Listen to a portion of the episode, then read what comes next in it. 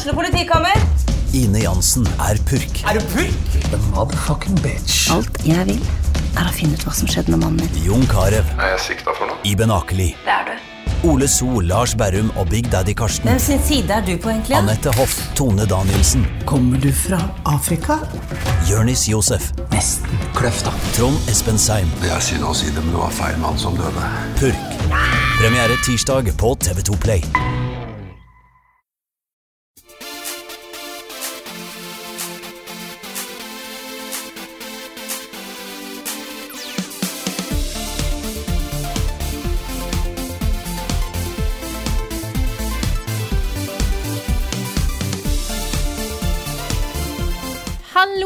Sammen, og velkommen til episode 173 av eh, podkasten Level Backup.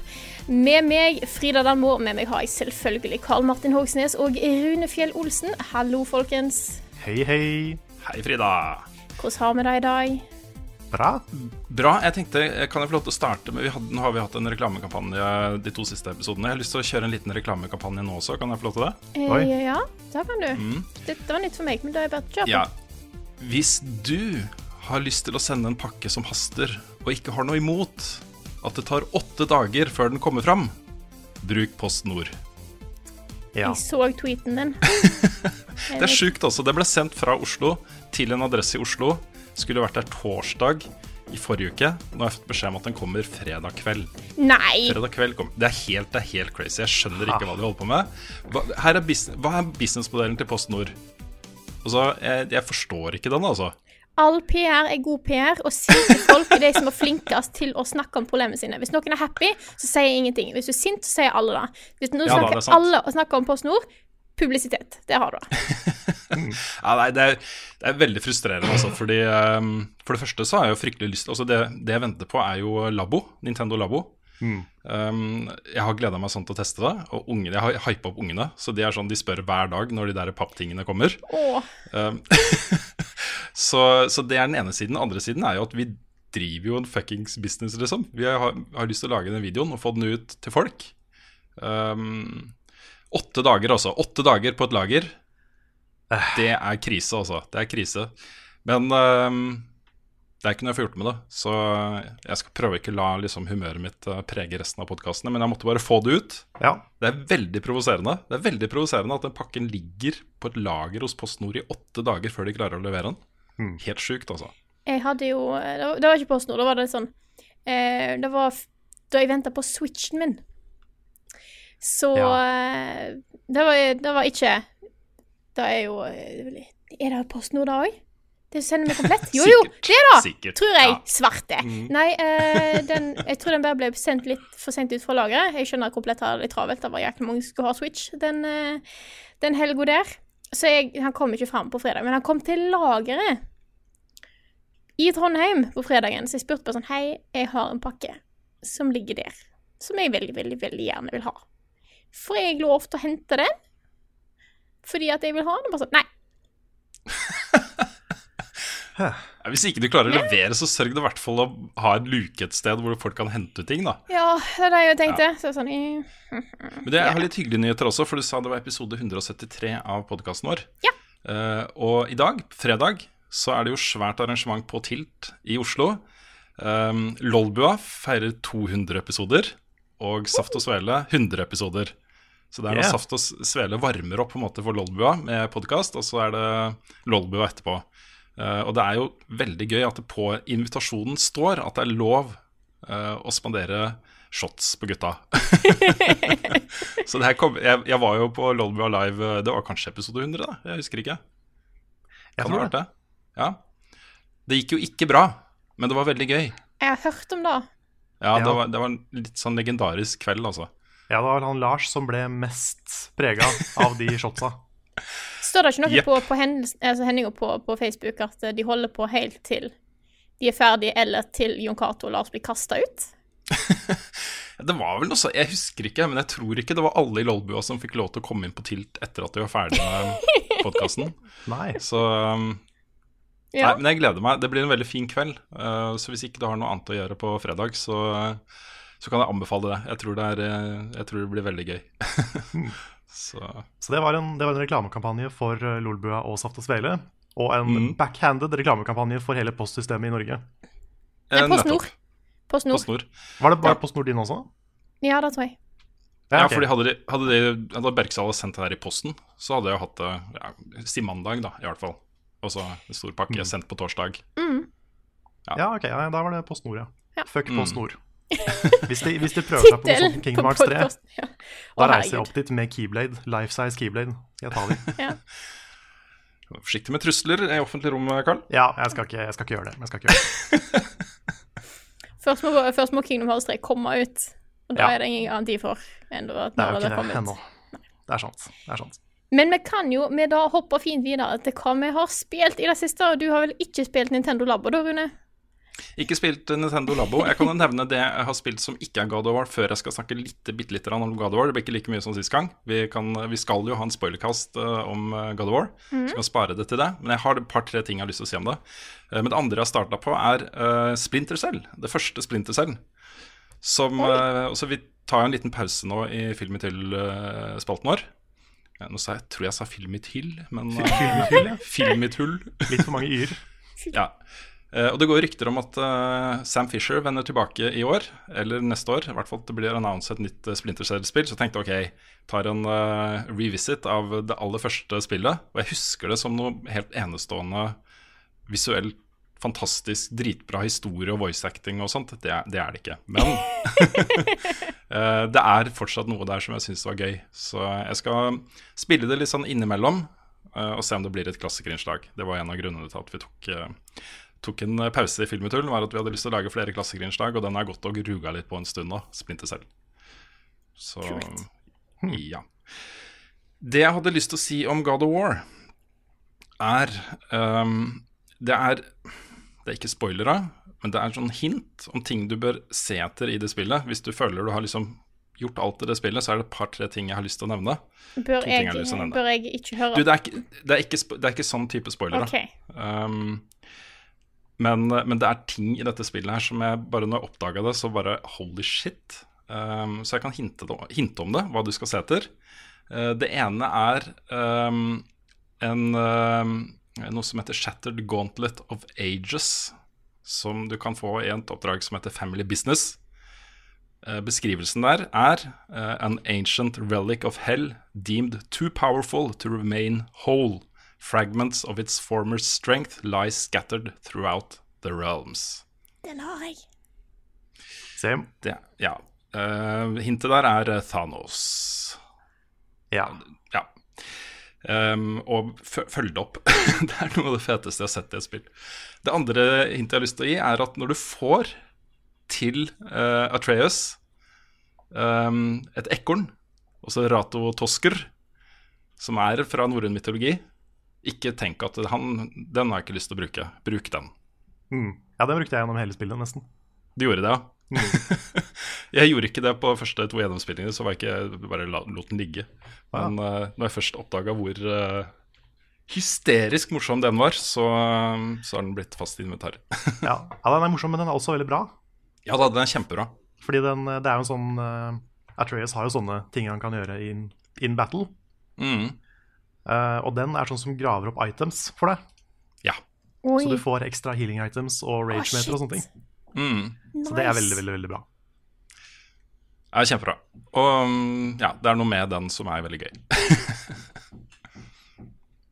Ja. Yeah. Mm, ja, det var til eh, det, det jeg hadde lyst til å si. Ja. Jeg må også bare si min, min fornøyelse med at Discord har endelig plassert dere to på rett plass igjen. Rune er på høyre side og Carl i midten, og da er jeg meg fornøyd. Så, eh, Fantastisk. Så kan jeg gjøre sånn som jeg vanligvis gjør, og bare liksom begynne på ei side, og så jobber vi bortover. Carl, har du lyst til å Ja. fortsette? Nei, jeg har spilt et spill som ikke vi har prata så mye om ennå. Eh, God of War Nei da, jeg skal ikke, jeg skal ikke snakke mer om God of War. Men jeg har spilt et spill som heter eh, The Swords of Ditto. Hmm. Og det er helt OK. Ja, det er harsh, men fair. Ja. Jeg husker for, en podcast, eh, for noen uker siden i podkasten så sa jeg liksom Her er eh, traileren for eh, Swords og Ditto. Det ser dritmorsomt ut. Dere må se den før podkast, for det her ser så gøy ut. Jeg har lyst til å snakke om det i podkasten. Ja, stemmer Så det. litt skuffende at uh, Beklager den bankinga i bakgrunnen her, forresten. Det er noen som driver og pusser opp. Så ja. Nei, det kommer til å høres på mikrofonen. Ja. Så ja, Men det så så bra ut, så jeg er litt skuffa over at du sier det er helt OK. Ja, er fordi altså, det er jo ikke, det er ikke et dårlig spill. Eh, det det er, det er et um, veldig Zelda-inspirert spill. Uh, litt sånn klassisk uh, Link to the Past-type Zelda. Det er top down. Du har en liten figur med et sverd.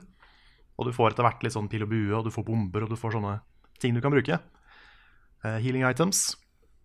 Og så er du på en verden um, som ikke er sånn kjempestor, men det er, det er noen dungeons rundt omkring. Um, veldig sånn typisk adventure-spill. Som du kan spille i coop. Jeg testa det i coop.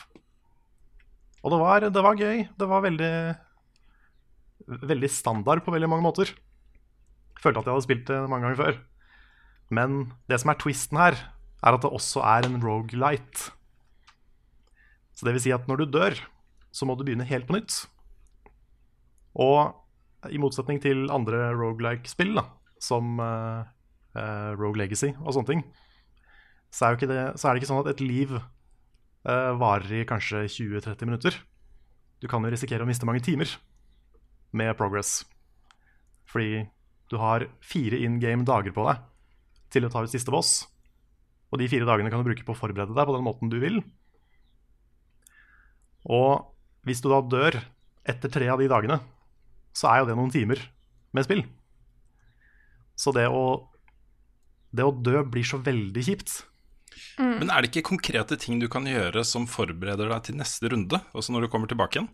Det er jo, sånn det er, noen, det er noen ting. Det er noen ting. Ja. Men det er likevel den derre Åh, nå må jeg begynne helt på starten igjen. Mm. Og den er litt tung. Det skjønner jeg. Den er, I noen Rogalike-spill så funker det veldig bra, siden ikke du varer så lenge.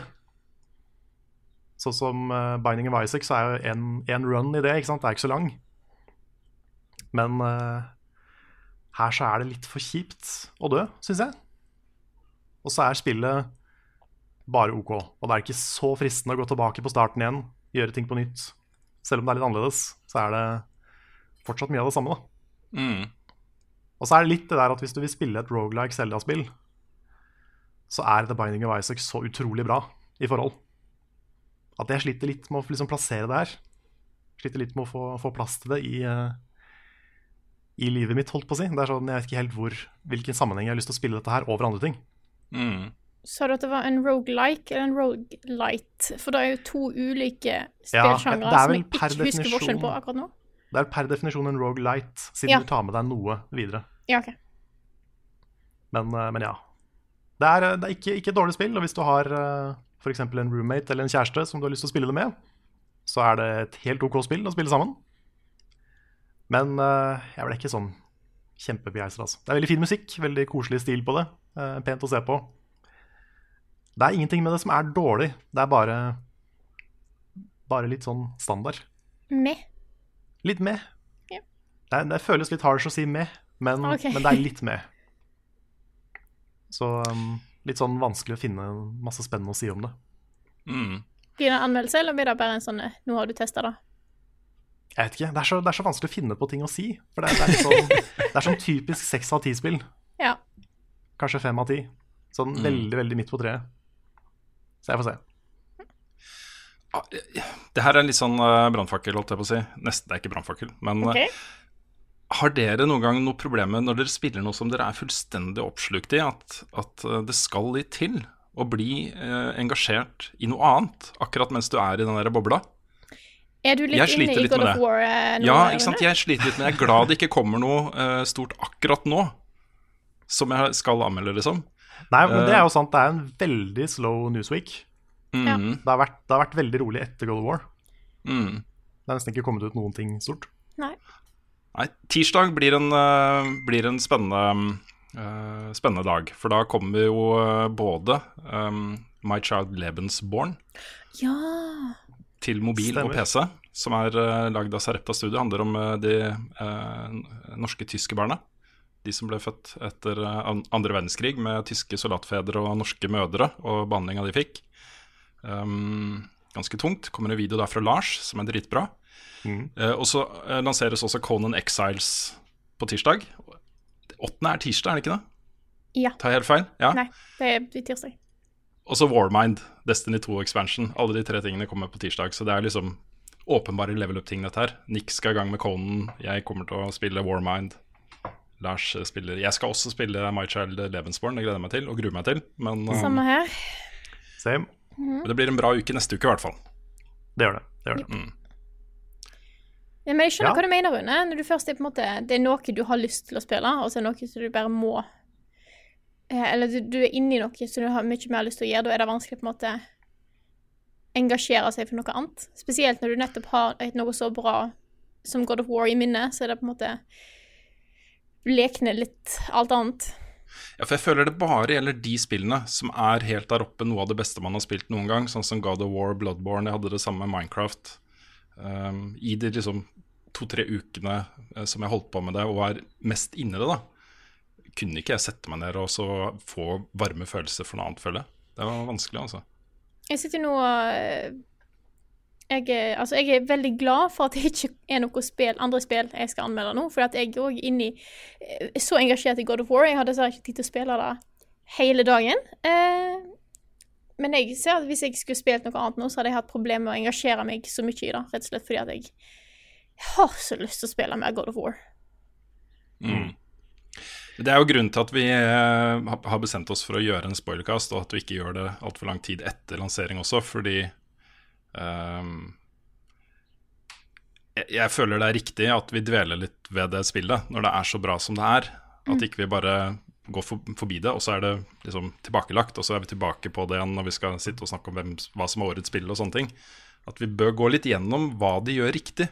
Fordi, ja. fordi eh, de markerer en såpass sånn sterk eh, posisjon i spillmediet med mange av de tingene de gjør i det spillet. Så eh, Derfor så gjør vi en spoilercast, og så skal vi kose oss eh, med det. Så det er mange som har spurt om eh, det blir spoilercast, og det blir det. Vi sitter og prøver å planlegge eh, tidspunkt eh, nå. Så, eh, så det kommer.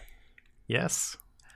Jeg vet ikke, jeg er litt sånn um, Jeg blir veldig ofte ferdig med et spill før jeg hopper på neste.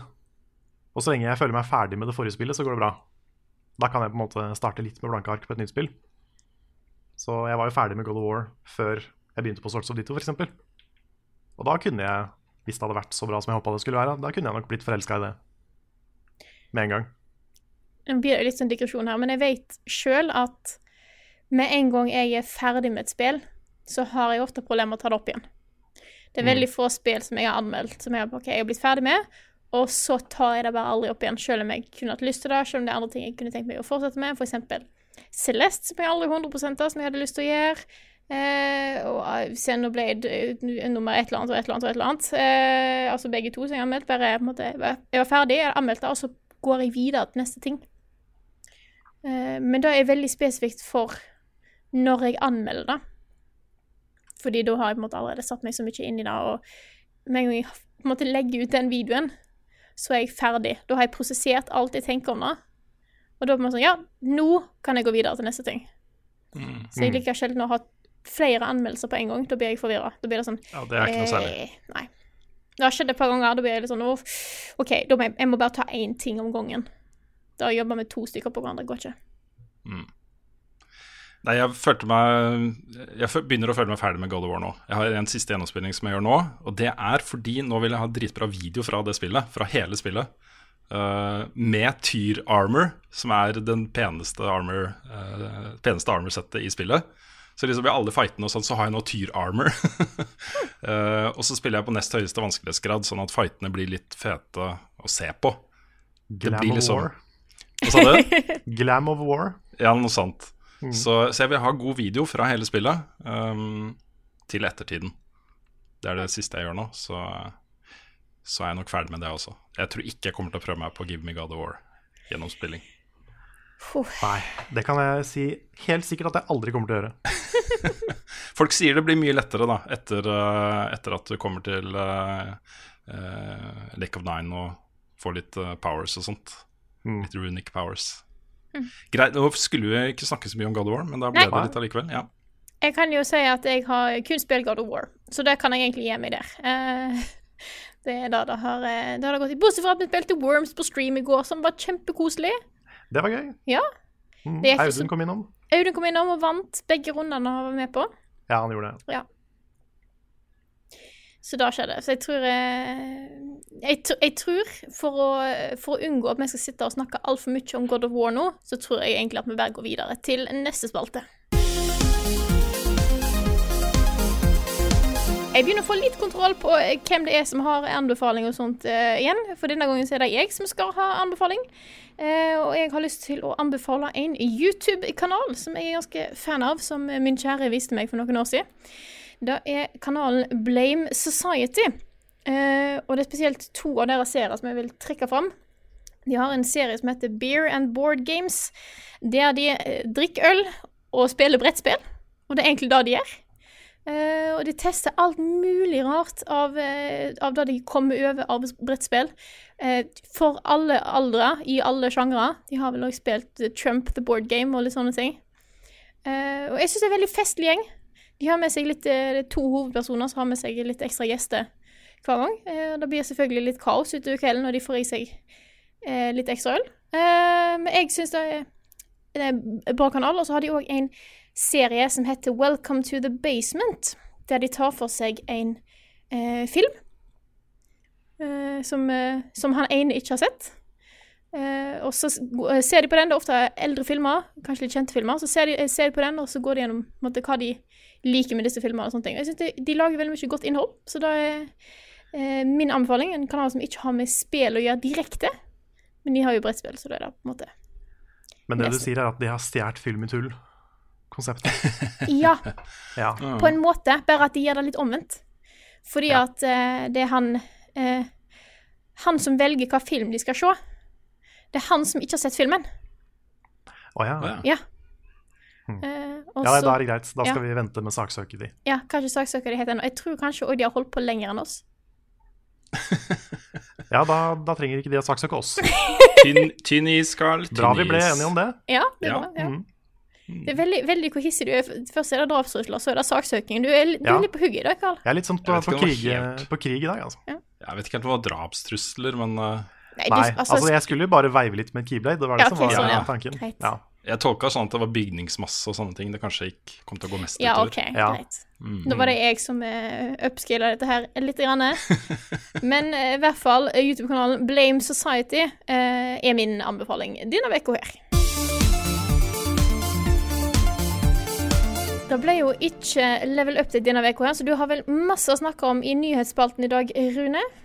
Ja, det er i hvert fall noen store ting som, eh, som vi kan snakke om.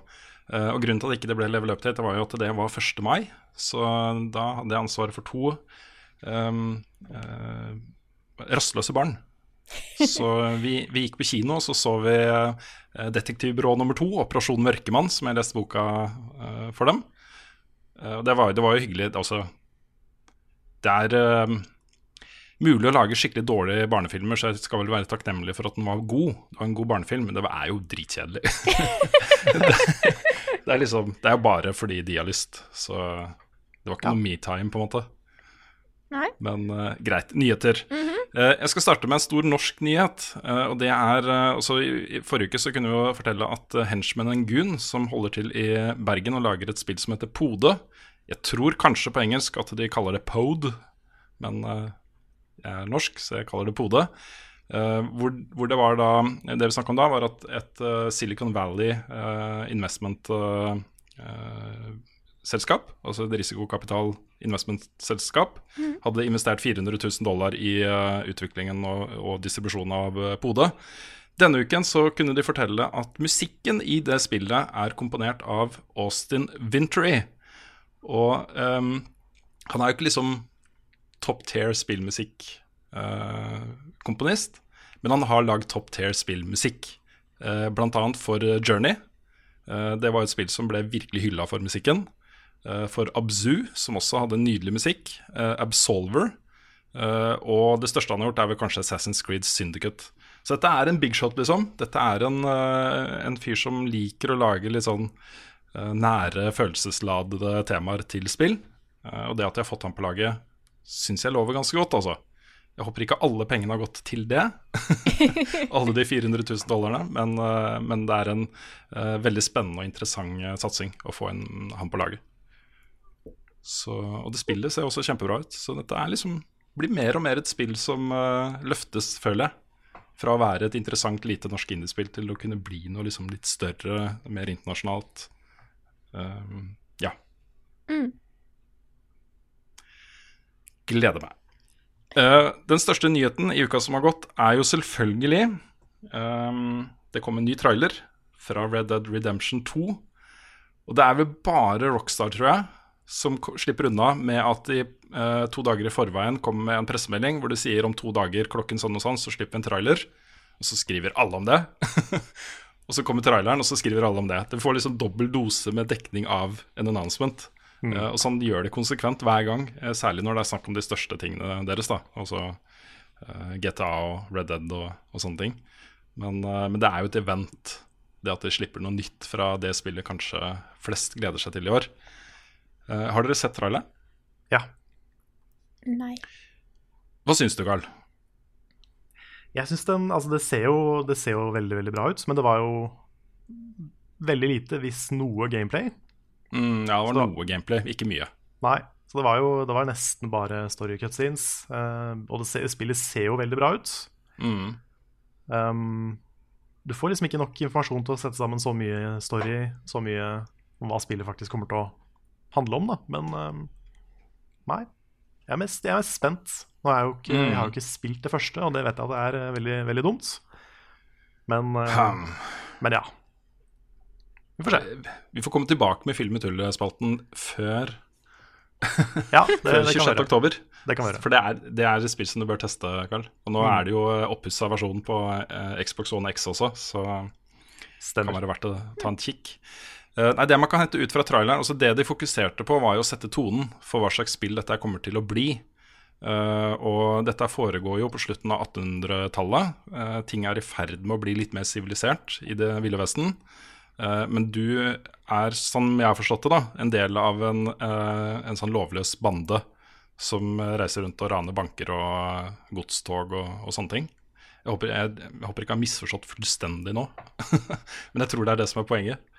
Um, men det var jo mye sånn følelser og um, litt sånn nære dialoger og sånn som du fokuserte på i traileren. Og jeg syns det lover litt godt, da, fordi alle vet at dette blir en stor åpen verden hvor du kan reise rundt og jakte på dyr og gjøre gudene vet hva, liksom. Masse ting. Men at de fokuserte på storyen, at de prøvde å sette tonen for, uh, for hva slags opplevelse det kommer til å bli. Og det var liksom ingenting der som fikk meg til å tenke det her kommer til å gå gærent. Så selv om jeg ikke ble sånn superbegeistra for det jeg så, så syns jeg det var en god trailer. Jeg synes den uh, uh, Det var kult at den turte å være litt uh, tona ned. At ikke den bare pøste på med alle de fete tingene du kan gjøre i spillet. Det vitner om, om god selvtillit på at de har noe, eh, noe bra på gang. Mm. Jeg så jo noen kommenterte at eh, Rockstar viser jo nesten aldri gameplay før spillet er, eller nesten er ute. Det er veldig lite. Veldig lite det viser. Det var samme med GTA 5, hvor de, det var vel storytrailers helt fram til release, nesten. Mm. Så um, det er kanskje bare den stilen de kjører. Ja, det, jeg, jeg syns jo Altså, det navnet de har valgt på selskapet sitt, er jo ikke tilfeldig. De oppfører seg jo som rockestjerner, som bare gjør som de vil. Ja, de og ikke Av og til så er de for gode for E3. Og, Eh, Ikke sant. Og når, hvis du først er på E3, så holder de til en, på en parkeringsplass utenfor eller et eller annet. Um, og det er sånn du kan bare prøve som journalist å få de til å kommentere en eller annen nyhetssak de jobber med som berører noen av spillene deres. Det er, de bare ler av deg, vet du. Det er, det er liksom det er helt sjanseløst. De gjør akkurat som de vil og driter i uh, hva skal man si, den normale PR-tingen. da, PR-maskineriet rundt spillutgivelser og sånt. Uh, samtidig så er det jo noen av, de, noen av de flinkeste i bransjen til det. Til å hype opp spillene sine ved å være litt, eh, eh, litt sånn tilbaketrukket og litt divaer, på en måte. Mm. Så lager de jo bra spill, da, det er det viktigste. Greit. Men en annen reveal som skjedde i uka som gikk, det var jo rett etter at podkasten ble publisert. Det var jo Shadow of the Tomb Raider. Og det var jo litt som jeg frykta, liksom. Det her ser ikke ut som et spill jeg har lyst til å spille. Det var ikke måte på hvor mørkt og dystert og eh, lystmorderisk det skulle være, på en måte. Nei, det er litt sånn trist. Um, fordi jeg så traileren, Mm. Um, og Lara Croft er jo liksom Hele, hele Tomb Raider-serien er jo megasvær. Mm. Lara er jo mer kjent og liksom en mer, en mer elska figur enn f.eks. Kratos, egentlig. Egentlig. Uh, men, men det var litt trist å se den traileren her til et helt nytt spill, og så bare føle ingenting. Helt enig. Det var litt kjipt, fordi jeg var veldig glad i det første reboot-spillet. Mm, samme her. Um, gleda meg til det andre, og så ble det litt sånn Det syns jeg var bare helt OK igjen. Det var det første Mm. da som de faktisk tok opp, da, at liksom kanskje ikke da å drepe alle er en kjempegod idé, på en måte. Det ikke? Mm. Mm. Det de fikk fram litt mer menneskelighet. Ja, det var litt sånn eh, I det første reboot-spillet så, så ble jo på en måte Lara Croft eh, tvunget til å være, eh, være brutal. Hun havna jo på den øya hvor eh, det bodde da en crew fra eh, en sånn hemmelig organisasjon som hadde vært der i syv år for å lete etter noe, eh, og blitt gærne på veien. Altså, de var jo eh, helt ko-ko.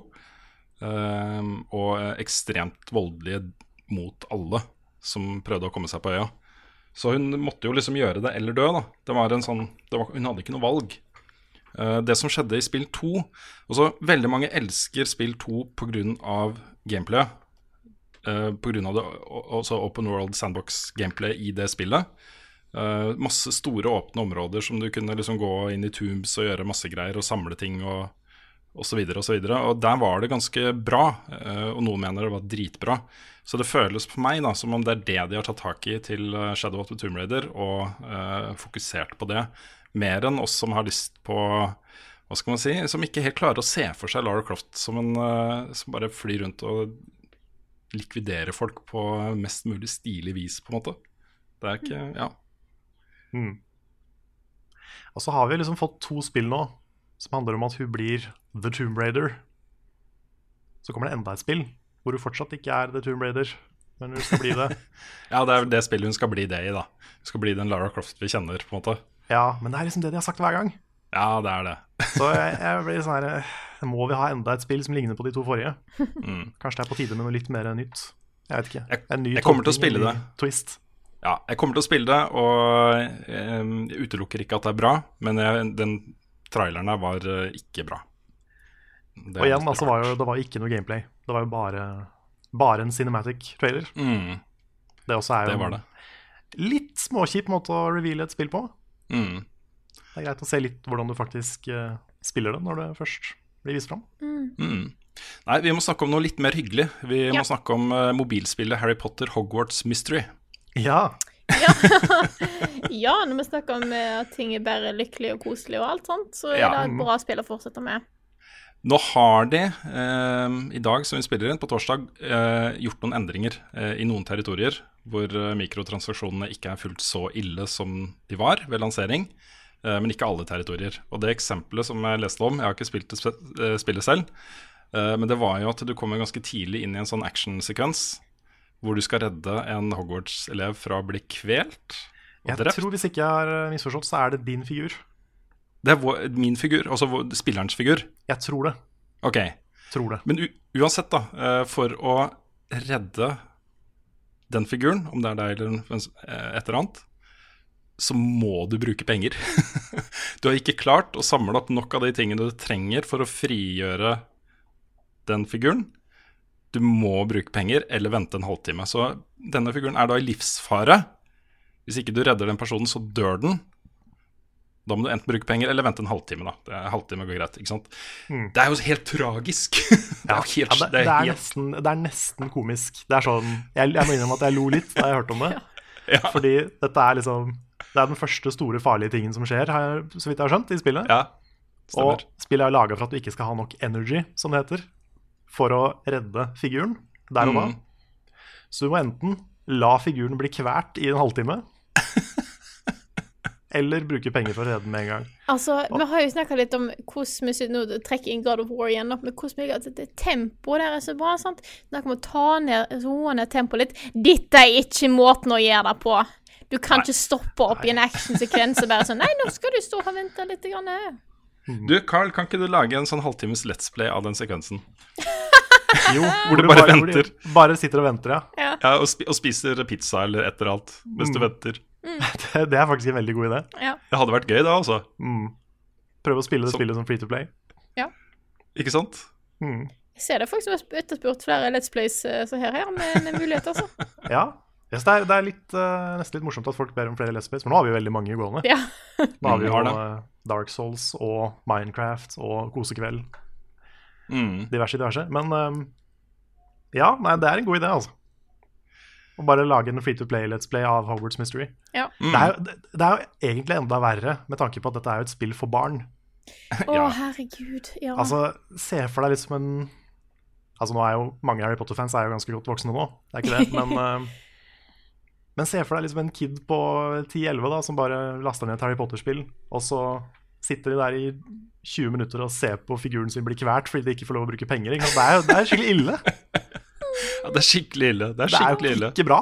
Nei. Nei, det er, virker, jeg ler, men det er jo fordi det er, så- altså, det er jo et av de mest hårete eksemplene på mikrotransisjoner jeg har sett. Det er så Ja. absurd. Det er, sånn, det er akkurat som de prøvde å overgå Battlefront 2. Ikke Ja. sant? Det er sånn, Hva kan vi gjøre for, for å være enda verre? Mm. Nei, pokker heller også. Eh, siste nyhetssak jeg tenkte å nevne, er eh, noe jeg gleder meg veldig til. Eh, og det er nå, eh, enten denne uka eller neste uke, så lanseres uh, Oculus Go. Som etter det jeg har forstått koster bare en par-tre tusen kroner. Uh, og er et standalone VR-sett. Altså det, du trenger ikke PC, det er ingen kabler eller noen ting. Alt inkludert. Um, ja, veldig spent rett og slett på om det er bra nok. Mm. Hvis det er det, så er jo dette den mest tilgjengelige og billige VR-greia som er ute nå. Så, så jeg vet ikke om det er den som kommer til å få folk til å løpe i butikken for å kjøpe VR. Men det er i hvert fall den første tingen som man kan si er et, eh, et masseprodukt. Som, som har liksom appell. Du trenger ikke en PlayStation, du trenger ikke en PC. Um, du kan bare ha den, og så funker det. Mm. Jeg driver og leste meg opp litt på nye VR-utgaver. Og de gjør sånne små skritt i riktig retning, altså. Mm.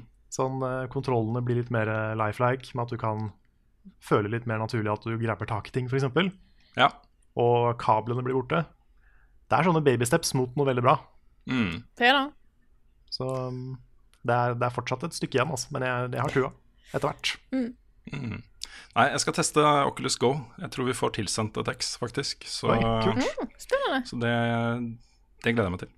Er Gleder deg til å det- vente på at det størst på lageret til PostNord i ei uke.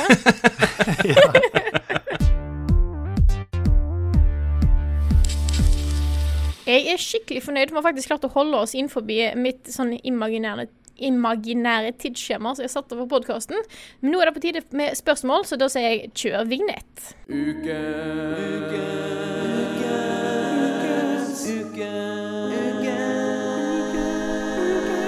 Jeg er så glad i den dialekten uh, på den vignetten der. Det gir en sånn ekstra sjarm. Ja. Mm. det, det er ikke spørsmål, det er spørsmål. Ja, Det er så bra. Det er veldig bra. Jeg vet ikke om du vil ha med det i podkasten, eller eh, Jo eller jeg kan godt ta det med. Det med. Ja, ok, det er greit. Uh, men ukens spørsmål er fra Otto eh, Knopp, som skriver at i løpet av forrige uke kom det en sak på utenlandske medier om at den norske stat har klaget inn store spillselskap som Nintendo, Valve, PlayStation og EA til EU-domstolen fordi at disse firmaene nekter å følge 14-dagersregelen på innkjøp av vare.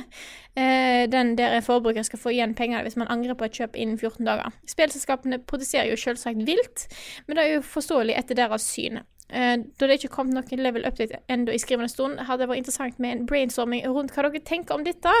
Helsing Otto Knop, aka Balder75 på Twitch. Nice. Ja. Grunnen til at ikke det ble level update, var at det er tirsdag var 1. mai. Ja. Så ja. Ja. Det nevnte jeg kanskje i starten av podkasten også. ikke? Yes, you did. Ja, det gjorde jeg. Du har fått deg Um, invitation.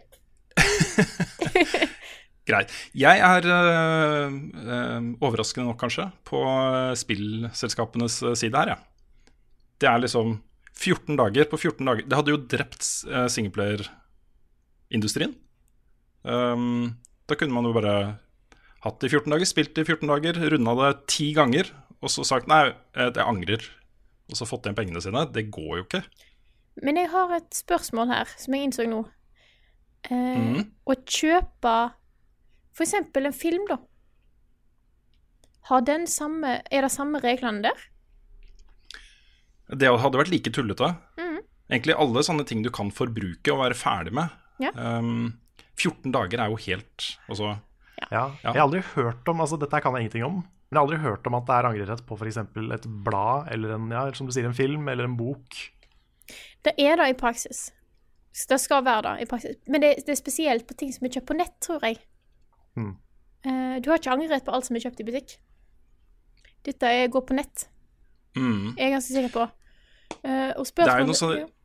ja, det er en sånn regler på Steam hvor du, hvis ikke du har spilt det mer enn så og så lenge, så kan du få pengene tilbake. Er det ikke det riktig? Jo. Jo, jeg har hadde tenkt å nevne det, fordi Steam sitt uh, system er jo ikke, det er ikke perfekt. Fordi det, det fins jo noen spill du kan runde på veldig kort tid, og da bare holdt på å si levere tilbake. Men det er jo et ganske bra system generelt. Mm. Der hvor du, du kan teste et spill, eh, finne ut at enten så funker det ikke på PC-en din, eller så, eller så var det ikke noe, og da kan du angre på det. Så jeg er veldig for at uh, konsoller også skal ha et sånt system. Helt enig. Men jeg, Det er jeg eh, jeg, jeg tror faktisk en av tingene som ble klaget inn her, er blant annet eh, at ikke alle har en veldig god måte å avbestille forhåndskjøp på. Ja, det er noe annet. Mm. For den, den, den må de jobbe med. Ja, for blant annet jeg, for jeg, jeg tror dette er faktisk en del av den saken.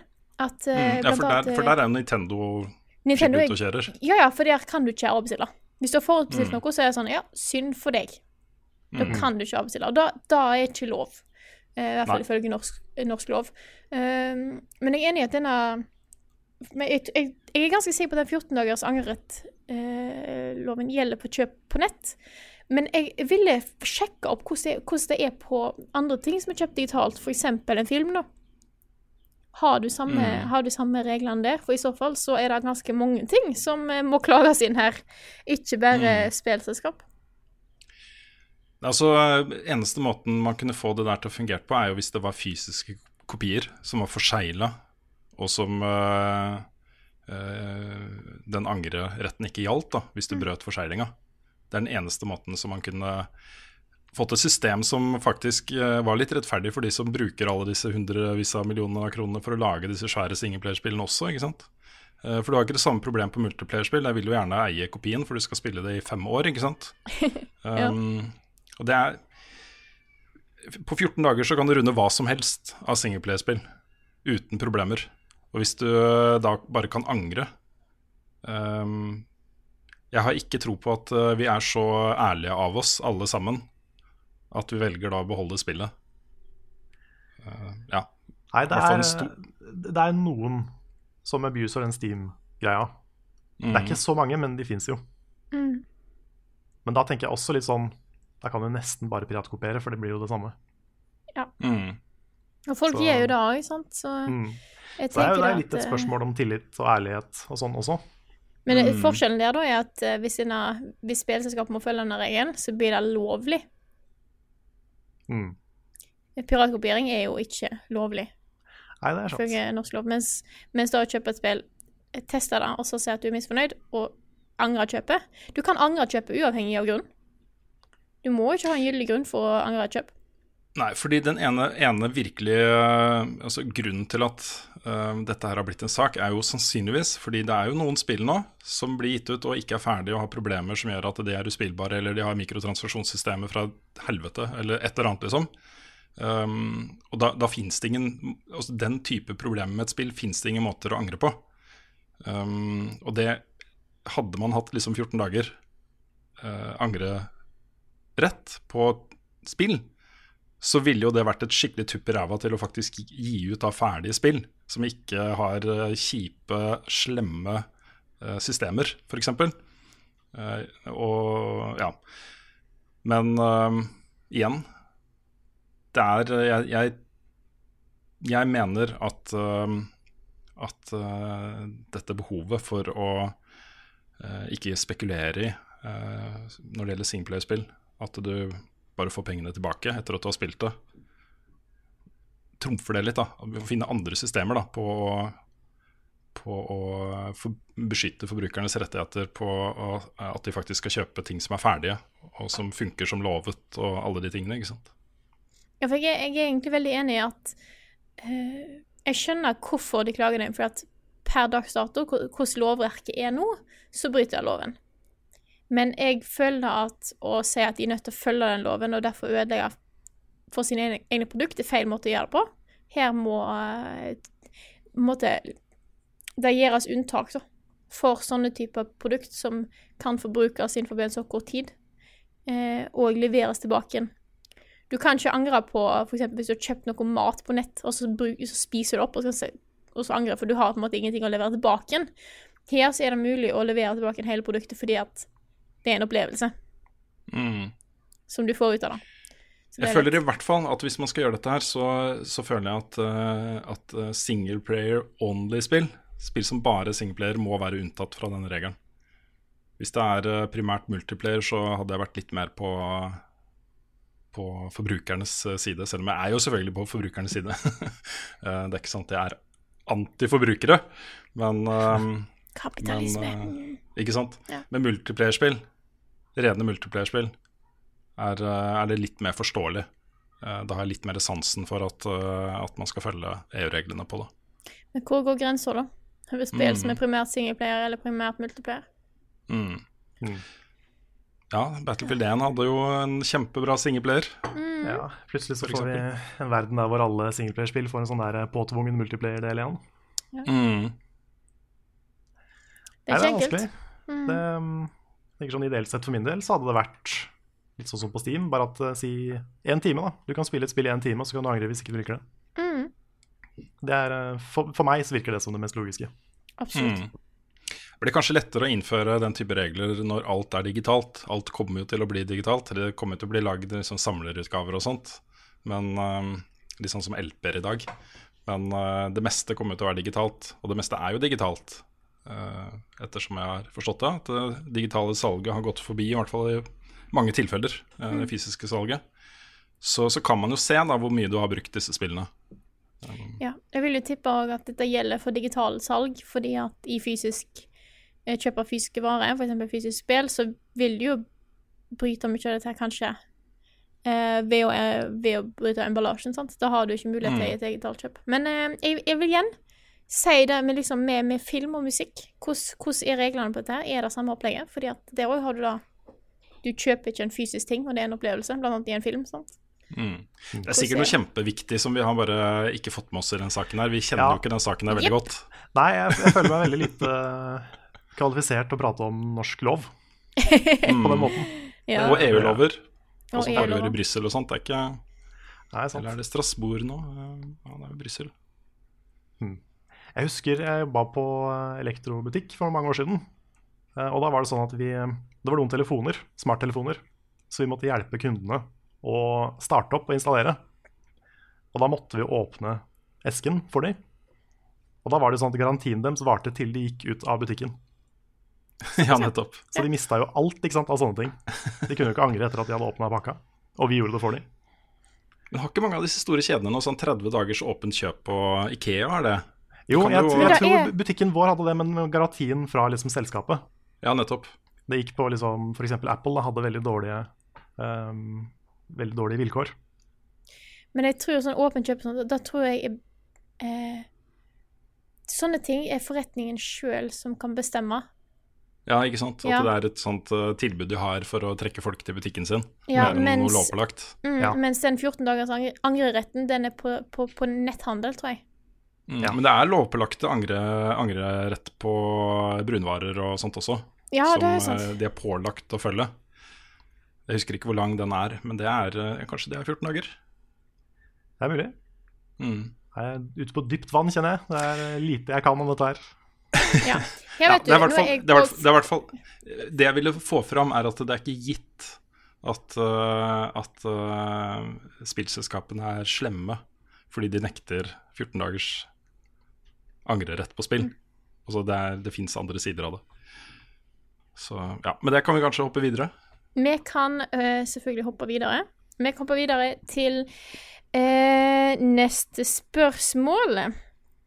Eh, vi kan ta og snakke litt, eh, enda litt mer om eh, et spill vi allerede har vært litt borti, men på en litt annen måte. Det er et spørsmål her fra Pål Lillengen som spør Det ser ut at det kommer en rekke Pokémon Go-aktige AR-spill de neste månedene, annet Jurassic World Live og Harry Potter Go. Hva tenker dere om potensialet for sånne spill, og vil de tilføye noe, som, eh, noe til sjangeren som Pokémon Go ikke har klart? Altså, De klarer jo noe hvis de klarer å lansere et eh, ferdig spill. Uten, uten mikrotransaksjonshelvete. Ja, ja for der er jo Pokémon Go uh, Jeg syns ikke Pokémon Go har fått så mye tyn for mikrotransaksjoner. Nei. Men, Nei. men det er jo ganske stygt, noe av det. Mm.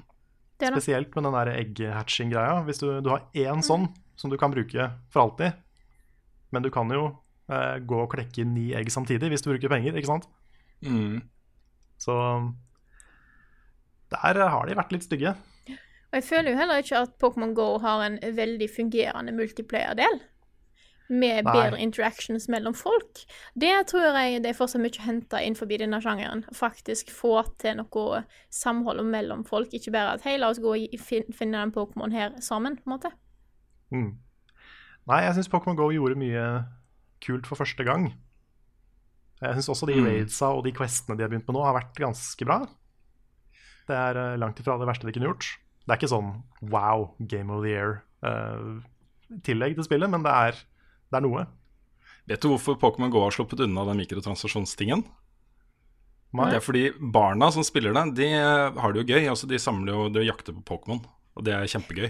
Ja. Ikke sant? Det er de voksne som bruker eh, penger på mikrotransaksjoner, og de vil jo ikke stå fram i media og, Nei, og, klage, og klage over de fæle mikrotransaksjonene i Pokémon GO. På alle de pengene de har valgt å bruke på dette spillet her, Mm. fordi de har råd til det. Ja, det kan det kan. Ja. Det, er, det er mest de voksne som tenker sånn efficiency. Ja, jeg tror det, altså. Ja. I dette spillet. Jeg hører jo stadig, stadig at det er eh, flere og flere menn rundt 40 som spiller Pokémon Go nå. At det er det som er Ja hoveden. Så ja. Mulig du har rett der, altså. Mm. Men AR er jo dritspennende, og det, det er liksom så mye man kan gjøre med det. Vi har bare sett starten på det. Det er kanskje enda litt mer spennende enn VR, til og med. Um, fordi det kan være så mye mer tilgjengelig for folk. Absolutt. Um, Mm. Så jeg, egentlig, jeg har ikke noen sånn klar formening om hva jeg ønsker meg av AR. Jeg bare håper på å bli litt overraska over uh, kule ting. Jeg er spent på å Ja. se hva som skjer, hvor de tar det videre. For nå har de jo Det som Pokémon GO viste, var jo at det er et marked for det. Mm. Absolutt at det er et marked for AR-spillene, spesielt hvis du tar for deg en, en, en kjent merkevare da, som folk allerede kjenner. Da er det lettere å plukke det opp. Jeg tror eh, uansett hvis du lager et AR-spill som er bra, selv om du på en måte lager det fra scratch med en egen IP, så tror jeg fortsatt at det, det har et veldig potensial for å nå veldig mange. Mm. Men jeg tror samtidig det skal mye til å, å bli så stort. Mm. Ja, ja, selvfølgelig. Det var jo første gangen det ble, var kult, sant? og da vil alltid treffe folk litt mer. Og så var det Pokémon. Ja, for det er Mm. det. Jeg tenker litt at Perfekt, det, er ikke, det er ikke nødvendigvis det at det var AR som gjorde at det ble stort. Nei. Fordi de fleste AR-funksjonalitetene slo jo de fleste av etter den første uka. det var jo mest det at du, du kunne gå rundt og fange Pokémon, ikke sant. Ja. Så AR i form av liksom GPS-en er jo veldig sentral, men den der kameragreia, den var jo ikke så spennende. Nei. Nei. Så jeg vet ikke. Du må på en måte ha et veldig bra spill i bånn, som også kanskje har en populær merkevare bak seg. Jeg vet ikke om, jeg tror Mm. ikke Jurassic World er populært nok. Altså Det er sikkert populært, men jeg vet ikke om det er stort nok til å selge et sånt spill. Jeg vet ikke. Kan Kanskje jo- Harry Potter. Kanskje Ja. Harry Potter. Kanskje Harry Potter. Jeg tror kanskje AR også har veldig stort potensial hvis det, uh, hvis det kobles til uh, stasjonære spill. Hvor du kan f.eks. Uh, gå ut på Quests og gjøre ting og samle ting, materialer du trenger, eller finne uh, skjulte våpen. sanne ting liksom som du kan bruke seinere i noe annet. Og at det faktisk har en reell nytteverdi for noe Et spill, da. Et spill hvor du spiller med de tingene du samler. Det er Kunne kanskje vært noe. Mm. At, ikke de, at ikke de tok Dette er sånn, det føles veldig obvious for meg. Um, at Pokémon Go ikke lagde en form for connection mellom Pokémon Go og spillene på 3DS. Mm. At du kunne fange Pokémon i Pokémon Go, bruke de i Pokémon Sun and Moon f.eks. For eksempel. Det er jo en million dollar idé, men det er jo veldig mange Pokémon-ting som er det. Pokémon MMO. Hvorfor har vi ikke det? Ikke sant? Det er, det, er sånn, det er så mange åpenbare milliardideer rundt Pokémon som de bare burde gjort. Mm. Problemet er at sant, du har en idé, men så jeg tror jeg For Nintendo så er Pokémon en såpass stor En såpass stor ting de har, at de eh, vil ikke lage noe som er dårlig, på en måte. Sånn at du bare har en idé, eh, er kanskje ikke nok for at de vil At de går videre med det. da. Nå kommer det et nytt eh, Pokémon-spill til Switch, og det er kult. Det har jo folk snakka om lenge at de vil ha.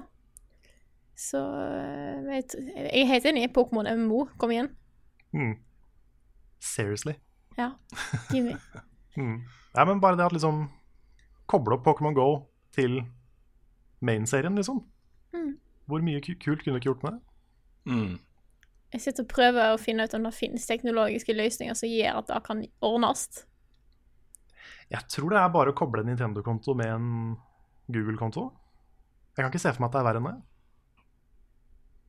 Nei, hvis du har Nintendo-kontoen Hvis du på måte Hvis du logger på i spillet med din egen Nintendo-ID, så er du safe. Mm. Ikke sant? Er jo den. Ja, det er helt sant. Get on it, Nintendo, sier jeg Ja. bare. Seriously. Ja. Men da eh, tror jeg vi skal hoppe videre til neste spørsmål, og da trenger jeg litt hjelp fra Carl. Ja, skal vi se. Bare gi meg tre sekunder. Ja.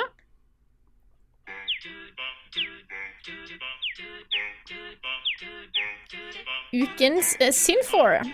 Fortnite har blitt mye omtalt i media i det siste pga. at det er mange små barn nede i åtteårsalderen som spiller dette spillet. Da er det naturligvis delte meninger om spillet, at noen mener spillet lærer, folk, lærer barn å drepe, og andre mener at en får bedre konsentrasjon av å spille det. Jeg er da spent på deres mening om Fortnite, om det er et egnet barnespill. Hadde mine barn på snart 12 og 14 spurt om å spille dette, her, så hadde jeg sagt ja. Eh, Per nå har jeg ikke spilt dette spillet sjøl. Ja, det var, Nei, Trond, eh, ja. Trond Sinfo Borge- Borgersen spiller bare PubG, har jeg fått med meg, så Han er pro i PubG, PubG. Ikke sant? Um, åtte syns jeg er altfor tidlig. Det hadde ikke mine barn fått lov til. Ikke selv, ikke alene, uten meg på, ved siden av, liksom. Um, Tolv um, ut, uten problemer. Jeg vet ikke hvor jeg vil satt grensa. jeg. Hvor gammel er en, en kid når han er ti? Hva i alle skal man tror. Jeg, jeg, jeg tror det er tolv. Ja. Jeg syns jo tolv virker naturlig. Um, jeg hadde nok latt en 10-11-åring spille det, kanskje, kanskje ikke aleine. Ikke Jeg hadde vært mest bekymra for hvem de spilte med, sånn type på voicechat. Ja, det er de tingene jeg er mest stressa på. Ja. Jeg er eh, Mine barn har jo blitt eksponert for ting som de egentlig kanskje, if, ifølge eh, normen i samfunnet, ikke burde blitt eksponert for. Det har hendt at eh, jeg plutselig oppdager at de står og kikker, liksom, selv om jeg har bedt dem ikke gjøre det. Og de, de virker på meg som om det går helt greit. Um, og da, Hver gang jeg oppdaga det, så har jeg satt meg ned med de og snakka om, om hva de har sett, og, og spurt liksom hva de tenker om det og sånne ting. Og um, jeg eh, opplever det som om de sidestiller det med alle andre spill som de spiller. Eh, også barnespill med treårsgrense. Altså, det er et spill, det er ikke noe virkelig å eh, Ja, de får ikke mareritt av det og sånne ting, da. Men jeg syns allikevel liksom åtte Jeg ser liksom ikke for meg at, uh, at uh, jeg skal synes det er greit, altså. Åtte år. Åtte er veldig ungt, føler jeg. Ja, jeg syns det, altså. Også fordi åh, De blir så hekta på dette, vet du. Og så opptatt av det, og så oppslukt av det. At um, det kan være greit at de holder seg til ting det er litt lettere å legge fra seg. til de har blitt litt mer modne. Fordi det blir en sånn evig kilde til krangling i hjemmet hvis de ikke får lov til å spille så mye Fortnite som de vil når de er åtte år gamle. Jesus Christ, altså. Jeg, Ja. jeg er litt enig. Jeg tror dette er Det er veldig vanskelig fordi at du har jo kampsystem i andre spill. Du har det jo i Minecraft, blant annet. Men det er noe når du faktisk Det er karakterer som har våpen som en skyter som er det spesifikt kun for å drepe, liksom. Jeg kan skjønne Jeg hadde ikke Jeg hadde ikke lagt Jeg tror ikke jeg Hvis jeg hadde hatt eh, Hvis min imaginære kid på åtte år hadde ikke fått lov til å spille dette her. Det er mitt syn Nei. Det er jo sett ting, altså Vi har sett på Det var en gang et menneske, f.eks., hvor de driver og klubber hverandre i hodet og kaster spyd på hverandre og dør og sånt. Ja. Um, Men jeg, det, er en, det er en serie som jeg ikke føler er problemet. Det er en veldig fin serie. Det var en gang ja, det er en veldig fin serie. Den forklarer jo uh, mye, liksom. Det er jo Ja. historie. Historieleksjon. Um, de, de blir jo eksponert for det overalt, og vi har jo spilt Zelda sammen, og også i Super Mario, liksom, hvor du banker disse bossene og mm, andre fiender og sånne ting. Altså, du, du blir eksponert for det. Jeg føler at det blir sidestilt, da. Um, jeg er kanskje mer stressa for sånne spill som Bloodborne og ting som er litt visuelt sånn farlig. Litt sånn ha visuelle eh, inntrykk som kanskje kan sette litt eh, mer sånn spor, at de blir redde. Mm. Jeg tror ikke de blir redde av å se noen eh, skyte en annen i, i Fortnite.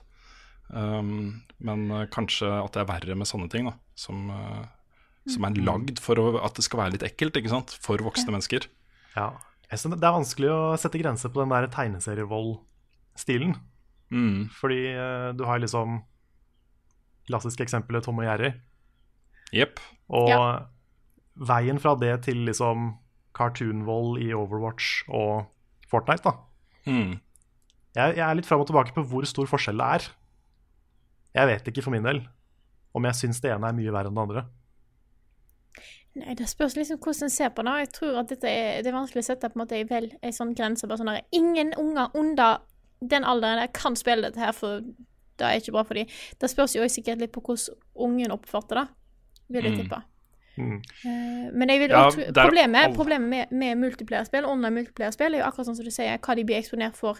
Ikke nødvendigvis bare i spillet, Mm. men eh, fra de andre som spiller. Og det er på en måte problemet med sånn type multiplierspill, at det er litt vanskeligere å kontrollere hva ungen er borti, som ikke bare har med spill å gjøre. Plutselig så kommer barna mine vet, og gråter, og så sier du 'Pappa, pappa, jeg spilte med en som sa han har pult mammaen min', Ikke sant? Nei, det, det er den store det, sånn, Nå snakker jeg om mine imaginære barn. Men uh, det hadde vært den tingen jeg hadde bekymra meg aller mest for. Jeg kunne helt sikkert spilt Fortnite med, sammen med en niåring, f.eks., tror jeg. Mm. Jeg tror det hadde gått for meg. Uh, men jeg hadde aldri um, Det hadde vært vanskelig når de var mye eldre også. Slipp dem løs aleine på en, en online community Mm. med voicechat og sånne ting, som, er, som jeg vet at kan være toxic. Mm. Det hadde jeg slitt, det hadde jeg kanskje slitt med fram til de var holdt på å si nesten myndig. Ikke sant? For det er så Det skremmer altså, Det syns jeg er ubehagelig, liksom. Mm. Men det er jo en del av disse spillene, sånn som eh, Horizon f.eks., uh, som som jeg føler er veldig gate med ting de allerede blir eksponert for. Uh, Brødrene Løvehjerte, Mio min Mio. Uh, som, som på en måte er fantasi uh, og fantastisk. Også no, eh, fantasiverdener hvor det er liksom monstre og fiender, og folk dør, og det er liksom litt den samme tingen, da. Det. Um, jeg, jeg tenker at den mestringsfølelsen en tiåring, niåring kan få av å sitte og spille et spill som Horizon, og den, den, det eventyret det er på, det fantastiske eventyret det er på, um, tror jeg Det tror jeg ikke at jeg har noe problem med. Dette kommer det til å bli mye diskusjoner om hjemme, tror jeg, eh, etter hvert. Fordi ungene mine begynner å bli ganske flinke, og begynner å bli sultne på litt mer avanserte spill. Og eh, jeg og kona har ennå ikke hatt den praten om hva slags eh, spill de får lov til å spille. Og jeg er ikke helt sikker på om jeg vet helt sikkert med meg selv om hva slags spill de har lyst til å spille. Eller får lov til å spille. Men jeg tenker at kanskje det første baugen der blir Minecraft på survival. Om de takler det. Hvis de takler det, så tror jeg de takler det meste, av, så lenge det ikke er av kaliber med Dark Souls og ting som er liksom litt ekle. Mm. Jeg får sitte og prøve å finne ut hva jeg spilte da jeg var rundt 8-9. Ja. Eh, da jeg var 8, da i 2001, da er jo GameCube-æren. Eh, og første jeg spilte der, var jo Smash. Det er jo sånn sett et eh, spill der du skal slåss med andre, men det er veldig ikke noe blod, ingenting sånne ting, da. Jeg tenker da med en gang du faktisk ser skade, så begynner ting Så er på en måte Da har du kommet til det punktet der ting er litt verre. Med en gang du faktisk ser at på en måte du eh, ikke bare slår noen og spør sånn 'Å, så føyk de av gårde'. At du faktisk ser at du kanskje kutter noe, eller blod, eller sånne ting. da. Det er veldig, veldig sterk grense. Det er jo ofte der eh, de velger å sette aldersgrense òg, da. Mm. Rødt blod er en sånn ting. Og Ja. avkappede lemmer. Ja. ja, det er jo en eh, Skyrim starter jo med en halshoggingscene, Ikke sant? som uh, ikke er så kult for de små. Nei, sant, og jeg tenker da at en ofte må ta litt og se litt på sånne ting. Men jeg er helt enig i akkurat hvor går grensen mellom cartoon-ish vold og ting som er verre, da. Hvor den grensa går, er vanskelig. Ja. Hva er Men- men- verst? Hvor, Men det er, noen, det er noen ting som er sånn Som krysser over på en litt sånn rar måte. Fordi det var én ting jeg syntes var veldig ubehagelig da jeg var liten, i Mario 64. Og det er eh, Altså, jeg ville aldri nekta en kid å spille Mario 64, det er ikke det. Men eh, det er én sånn animasjon, sånn drukningsanimasjon, i det spillet som er litt fæl. For du ser liksom Mario sakte drukner. Mm. Og liksom hoste litt, og det den er ganske ekkel. ja, det tror jeg på. Så det var sånn Oi, dette er- jeg husker jeg når jeg, jeg reagerte litt på da jeg var liten, at det, det var litt sånn ubehagelig. Så eh, det, det popper liksom opp ting, sånn individuelle ting innimellom, som er litt sånn Mm. Jeg eh, spilte jo veldig mye forskjellig i min oppvekst, eh, men jeg tror jeg aldri var borti spill jeg fikk beskjed om at dette får du ikke lov til å spille, for jeg holdt meg til plattformer og sånt. Eh, jeg var aldri borti noe med mye sånn vold og sånne ting, egentlig, når jeg tenker meg om, men jeg husker da jeg var, da jeg var yngre, at vi hadde et Batman-spill til eh, Sega Mega Drive. Oi. Da husker jeg at eh, jeg så at pappa spilte det, og han sa at dette får ikke du lov til å spille før du er eldre.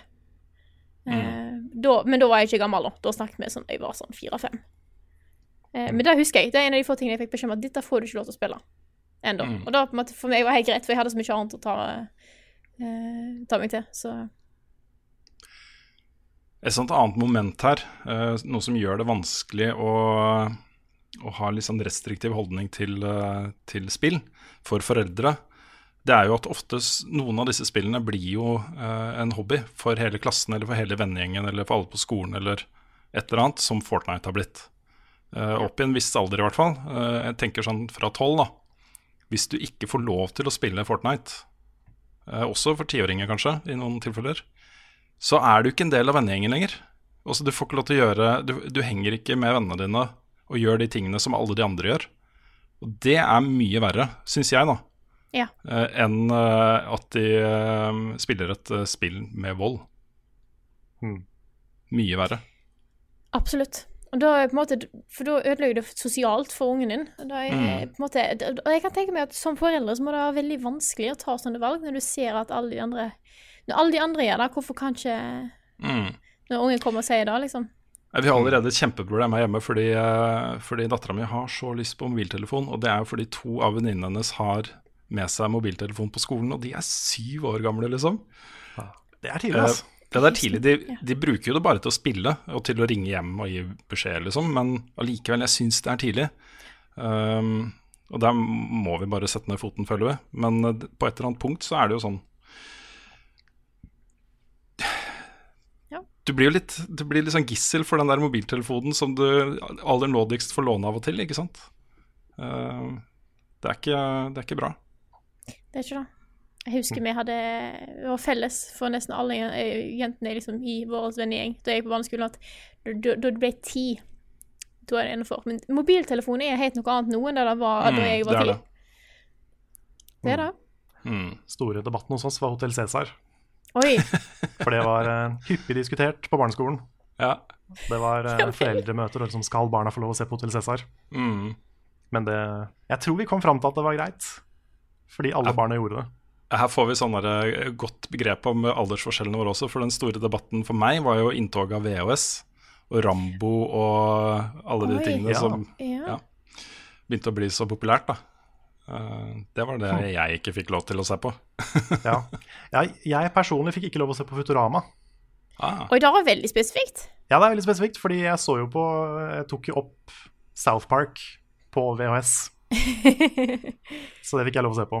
Men jeg tror ikke mamma og pappa helt skjønte at Futurama var mye mildere. nei, det er mye mildere. Det er mye mye mildere. Så jeg tror mamma bare hadde sånn- sett en sånn scene som var litt ekkel. Kanskje hun ble redd for eh, Dr. Zoidberg. Ja. Kanskje. Ja. Jeg tror det var en sånn uteligger som solgte noen organer, eller noe sånt. Så da tenkte mamma nei, dette her, dette her var, ikke, var ikke greit. Men South Park var innafor. Det er en fascinerende eh, Ja. begrunnelse. Det sånn, herregud. det er ikke alt foreldre får med seg, altså. Nei. Du nevnte Tom og Jerry. Eh, Det, jeg syns det er eh, greit å ha den i bakhodet. Altså. Det går en eh, Jeg husker ikke hva den heter nå, men det går en sånn tegneserie på barne-TV. Jeg husker ikke hvilken kanal, jeg bare vet at ungene har sett det. eh, Med en hai eh, og en Jeg vet ikke, er det en ulv eller Jeg vet ikke, et eller annet. Det er en, eh, et dyr da som har lyst til, å- til å fange en havfrue, og haien beskytter havfruen. Og det er sånn Tom og Jerry. Det er helt absurd og ekstremt hvor hardt det går ut over den stakkars dyren. Husker jeg ikke hvilket dyr det er. Jeg tror det er hund eller ulv eller et eller annet. Um, så av type Tom og Jerry-ting, da. Det sånn, husker jeg at jeg har liksom reagert litt på når jeg har sett det. At det er så så visuelt øh, kraftig kost, da. Ja. Men jeg tror ungene syns det er vanlig. Jeg tror ikke ungene reagerer på det eller blir påvirka av det negativt. Det spørs hvordan du ser på det, sant. Mm. Så jeg tenker tilbake på ja, Tom og Jerry var ganske bad. Men alt det var så på en måte Det var ingen som ble ordentlig skada, egentlig, selv om de fikk en svære en kampestein i hodet eller et eller annet greie. sant? Mm. Det ble kutta opp i tusen biter, eller Ja, ja, sant. Du kuttet i tusen biter, så gikk du sammen igjen. sant? Så det var, det Ja, var så absurd. Det var så, det var så langt fra virkeligheten. Mm. At du tok det mer som underholdning enn faktisk bare sånn Å, herregud, den musa der er jo kjempefarlig. på en måte. Ja. Men på, sam, eh, på andre sida, da, så har du jo sånne ting som Frukten fra dyreskogen. Som Å, var på herregud. barne-TV. Og det traumatiserte jo alle barn. Men det er en fantastisk altså serie, da. Ja, den er kjempebra. Snakk om liksom Dette er virkeligheten, folkens. Altså, dyr dør. Eh, Ja. Og det er ganske fælt. Og biler kjører ned pinnsvin. Og ja, ja. Ja, altså Den pinnsvinscenen Ja, den tror jeg traumatiserte en hel generasjon. altså. Jeg, bare, jeg husker den fortsatt. Den der lange scenen hvor de pinnsvina liksom krøller seg sammen på bakken. og Det er helt grusomt. Ja. Men, uh, men det er liksom Det er vold på en, i en litt annen kontekst igjen. da. Det viser jo på en måte noe. Ja. Lærer noe. Jeg vet ikke.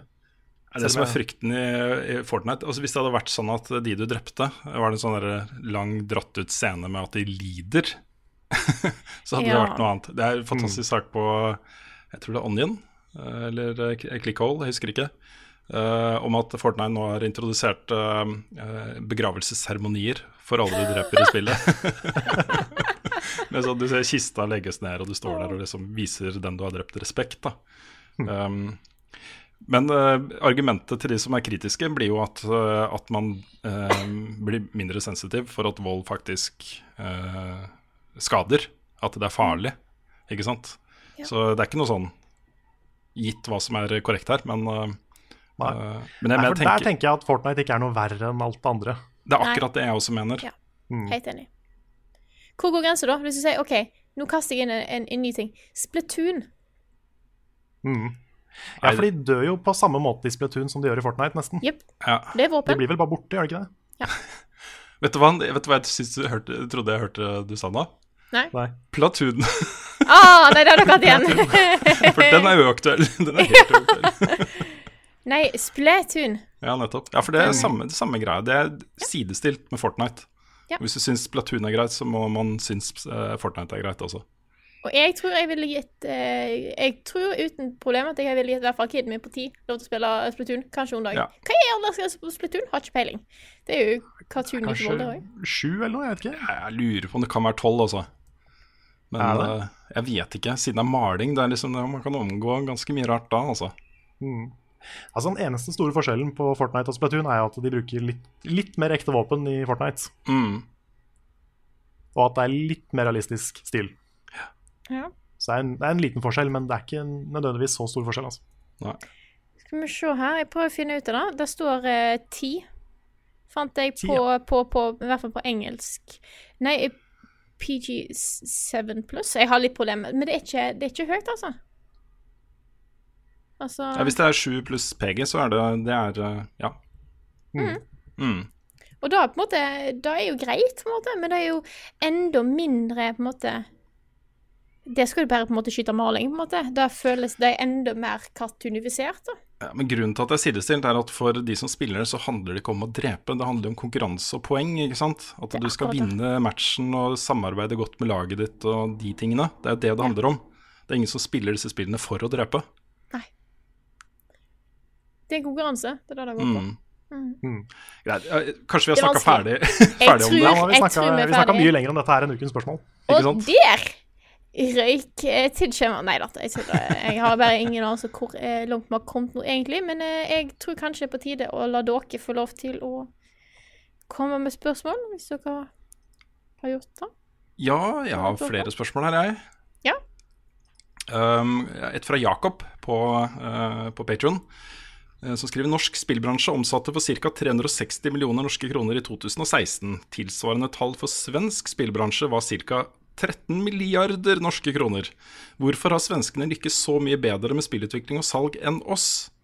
Uh, og det um, Litt sånn, uh, hva skal man si uh, Korte svaret er jo at vi er bare fire-fem millioner mennesker. Svenskene er dobbelt så mange som oss og har dobbelt så gode muligheter til å få fram gode spillutviklere.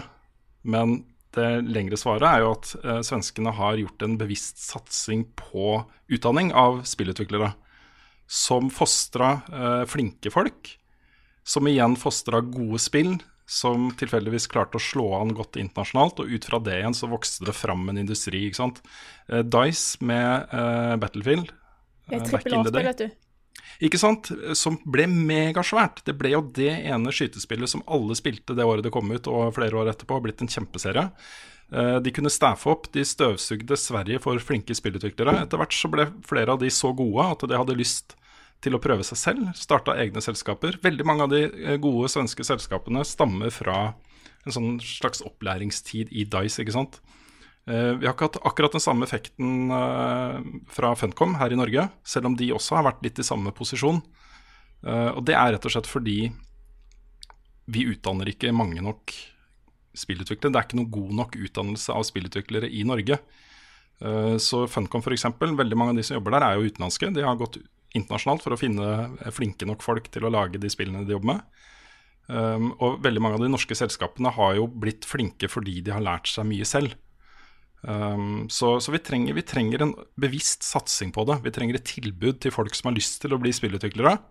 Uh, sånn at tilfanget og bredden av norske spillutviklere blir, uh, blir bedre. Uh, først da kan vi begynne å se den type muligheter. Fordi veien fra et dritbra selskap som Krillbite eller Dpad eller Rockpocket eller eh, Red Thread eller hva som helst, til å bli liksom megasvært, og vi begynner å nærme oss liksom 13 milliarder norske kroner og sånne ting, det, krever så store investeringer. Eh, og for å lykkes med de investeringene, så må du ha dritflinke folk som jobber i flere år med disse tingene.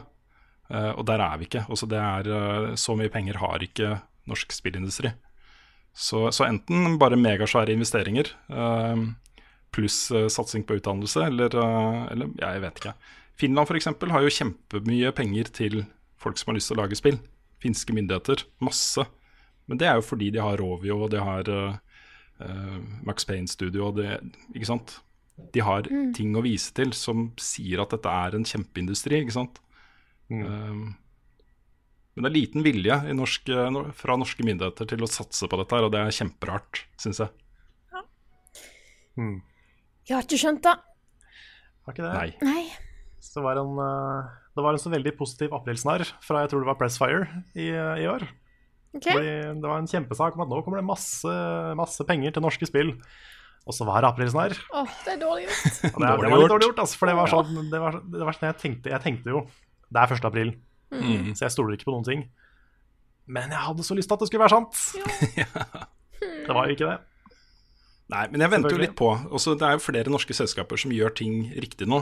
Også de satser etter, eh, etter uh, evne, og de satser etter de uh, midlene de har, så de kan holde på en stund. De, de gambler ikke uh, for mye.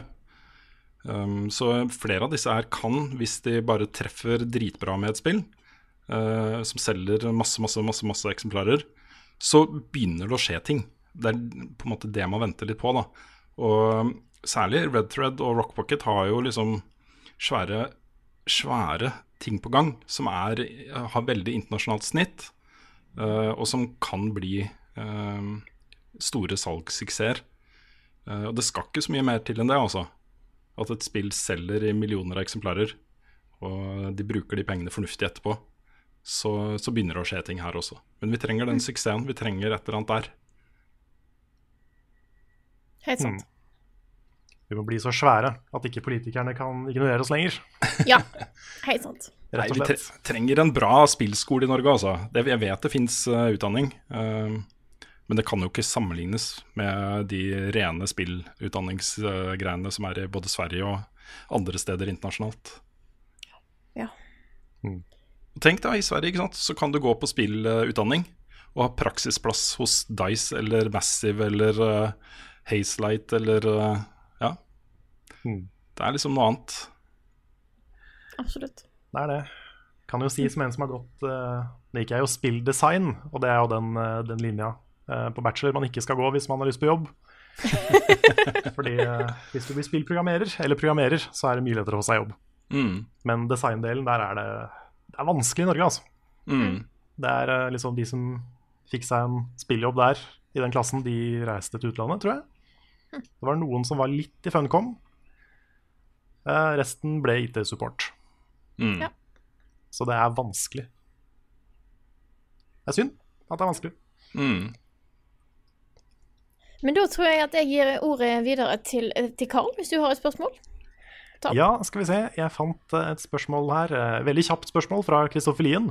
Kommer det noen ny bakomfilm snart? Hvis du sjekker Patrion samme dag som den podkasten her kommer ut, så er det en eh, splitter ny bakomfilm.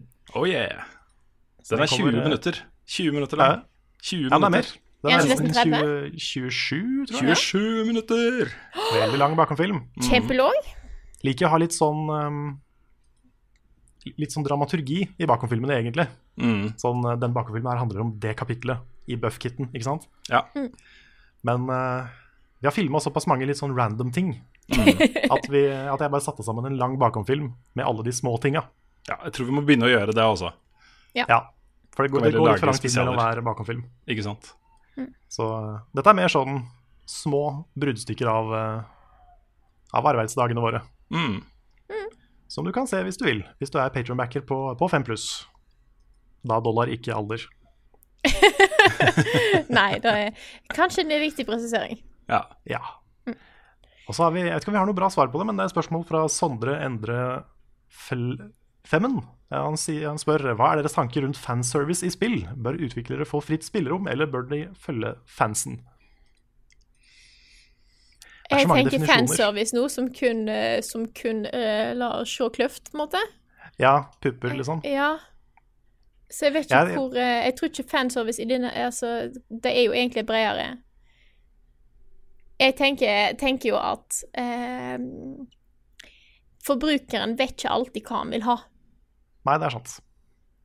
Nei, Hvis og så noen er det jo ja. ja. sant? Hvis det er noen som hadde spurt meg sånn Hva spill vil du ha? Og så er det nok bare sånn Ja, jeg liker, jeg liker Fortnite. Da kan jeg ikke få det. Eh, så er det sånn Ja, da har du Fortnite. Da, hvis, hvis folk bare blir spurt om hva de sjøl ville ha, så hadde du ikke endt opp med på en måte Undertale og alle disse greiene der. Så Nei, det er kanskje litt greit å høre på hva fansen vil ha, da. Hvis fansen sier at ikke lag Ikke lag Ikke gi dette her. Dette her er en skikkelig dårlig idé. Det er ingen av oss som vil ha dette her. For eksempel det der Metroid Federation Force. mm. Mm. Det var ingen som ville ha det. Nei. Selv etter Nei. det kom ut, så var det ingen som ville ha det. Sånne ting. Bare sånn, ta litt hint til hva folk der ute er ute etter. Jeg så faktisk det var Sonic the Hedgehog Twitter-accounten hadde spørsmål eh, på Twitter i går. Så det var sånn der Hva i de tidligere Sonic-spillene syns du var best? Og eh, Chow Garden vant sånn. Oi. Knuste alt annet. Så det er bare sånn hint til Sonic, Sonic Team. Hvis dere hører på dette her, ta hintet. For fuck's sake. Ja. Ja, vi, vi vet Sonic Team setter av tid hver fredag til å høre gjennom uh, Ja, ja. denne podkasten Ja, her. ja, ja. Det gjør De har faktisk ansatt en egen til å lære seg norsk, faktisk, Mm. for å kunne høre på denne podkasten her. Mm, så snakker de forskjellige stemmer og etterligner de forskjellige stemmene våre. Sånn at, eh, Ja. En egen level up-ansatt. ja, men det er jo det, det er, det er på en måte det er en balanse Ja, sorry. Fortsett. Ja. Nei, ta, gå først, du. Ok. Nei, fordi um, det å på en måte sitte der som fan av noe og kreve noe av eh, de som lager spillet du har lyst til å kjøpe, er jo på en måte å, å undervurdere og, pisse litt på de som lager spillet. Altså, det å lage et spill er jo Bør jo ikke være um, en samling med ting som du tror uh, flest mulig har lyst på. Det bør jo være noe du brenner for å lage, og som du har drømt opp, på en måte. Uh, og har litt uh, følelse for. Um, så jeg, jeg tenker jo at man bør stole på at, eh, at de eh, Det ofte blir best, da, når de lager noe de brenner for. Eh, Ja. På den andre siden så har du jo ting hvor ting er ferdig og ute og ikke funker. Eh, og så sier fansen ifra hvorfor det ikke funker. Da bør man jo absolutt sette seg ned Ja, ja. og studere hva de sier. Ja, det er jo en balansegang, det der. Um, det er jo veldig populært med sånne øyeblikk i spill eller filmer eller hva som helst. Sånn typiske fansen jubler-øyeblikk, ikke sant? Hvor uh, helten gjør noe som helten gjorde for ti år siden i en ti år gammelt spill, ikke sant? Og så catcher du den referansen, og så bare Å, shit, det er- de gjorde det! De refererte til den tingen. Det er jo prima fanservice. Mm. Men det må også være litt earned, tenker jeg. Mm. At hvis det bare er for en sånn billig reaksjon, så blir det fort litt harry. Ja. Hvis da er liksom hele filmen eller hele spillet bare play til memes, liksom, så Ja. For eksempel da, hvis i det nye Tomb Raider så tar Lara på seg de brillene, de der sol runde solbrillene, Mm. i en scene. Så bare 'Å, shit, det er de solbrillene!' Og så er det ikke noen grunn til det. Det er bare det. Ja. Det hadde blitt litt tacky, tenker jeg. Mm. Men uh, det fins jo eksempler. Jeg skal ikke, skal ikke spoile de, men det fins jo eksempler hvor uh, det har blitt gjort veldig bra. Jeg husker i uh, Doom-filmen med Dwayne The Rock Johnson. Når det kommer til eh, BFG. Jeg mener å huske at han sier at 'that's a big fucking gun'. Ja, det, Kanskje litt på den tacky sida, jeg vet ikke. Kanskje litt. Men da fikk du en Ja. sekvens etterpå da, på ti minutter eller hva det var, hvor du var i første person og du så liksom det der. Ja, Så, ja. ja Det er jo 100% fanservice. ja, ja. Det var den eneste bra tingen med den filmen også, så kanskje det er et Ja, okay. argument for Bra, jeg vil ikke si det var bra, men det var det jeg likte best med den filmen. Det var det eneste jeg likte Skjønner. med den filmen. Skjønner. Jeg husker ingenting annet fra den. Nei. Nei, men, men jeg, jeg er enig i det du sier, at det, er, det beste er jo å stole på de som lager dette her. Det er jo uh, å la dem følge visjonen sin, og heller gi feedback på, på ting etterpå. Absolutt. Gjerne komme med forslag, da. Det her kan hende at man kommer Ja, ja, med altså gode feedback er alltid bra. Det, det er jo ofte det å ha en eh, editor eller noen rundt seg som kan finlese ting, gå gjennom ting, er jo veldig sunt. Men eh, det er samtidig vanskelig da, hvis du har en million fans, og alle vil forskjellige ting. Yep. Så er det vanskelig å på en måte være så åpen. Mm. Kan jeg ta en liten Jeg- digresjon som jeg syns var litt uh, er funny og litt skummel? Ja, den er liten. Ja. Den er Ja, kort, er ja. ja. Eller kanskje ikke er så kort. Men Det er det er nye regler for eh, hvordan uh, nettjenester kan eh, behandle brukerdata nå i EU.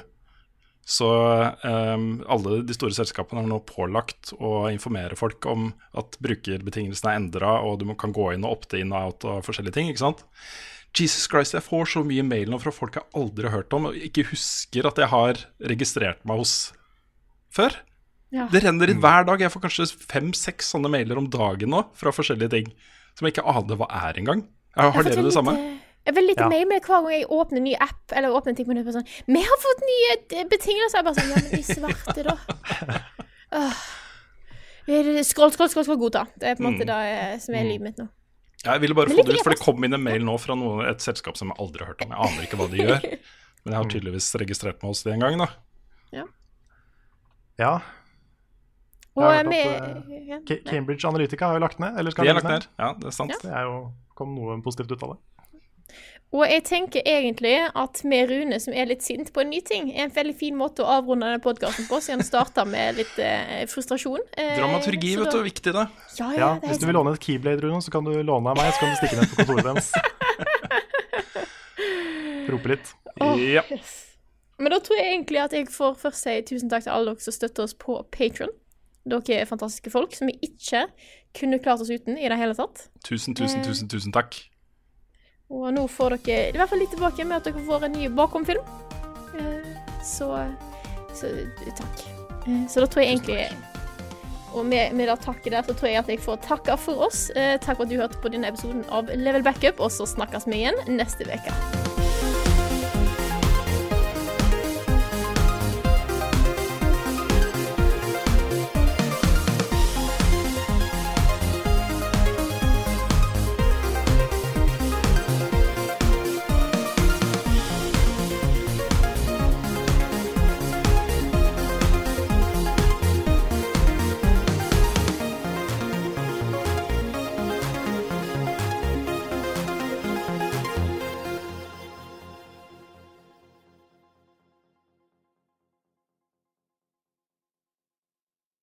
Har du et enkeltpersonforetak eller en liten bedrift? Da er du sikkert lei av å høre meg snakke om hvor enkelt det er med kvitteringer og bilag i fiken, så vi eh, gir oss her, vi.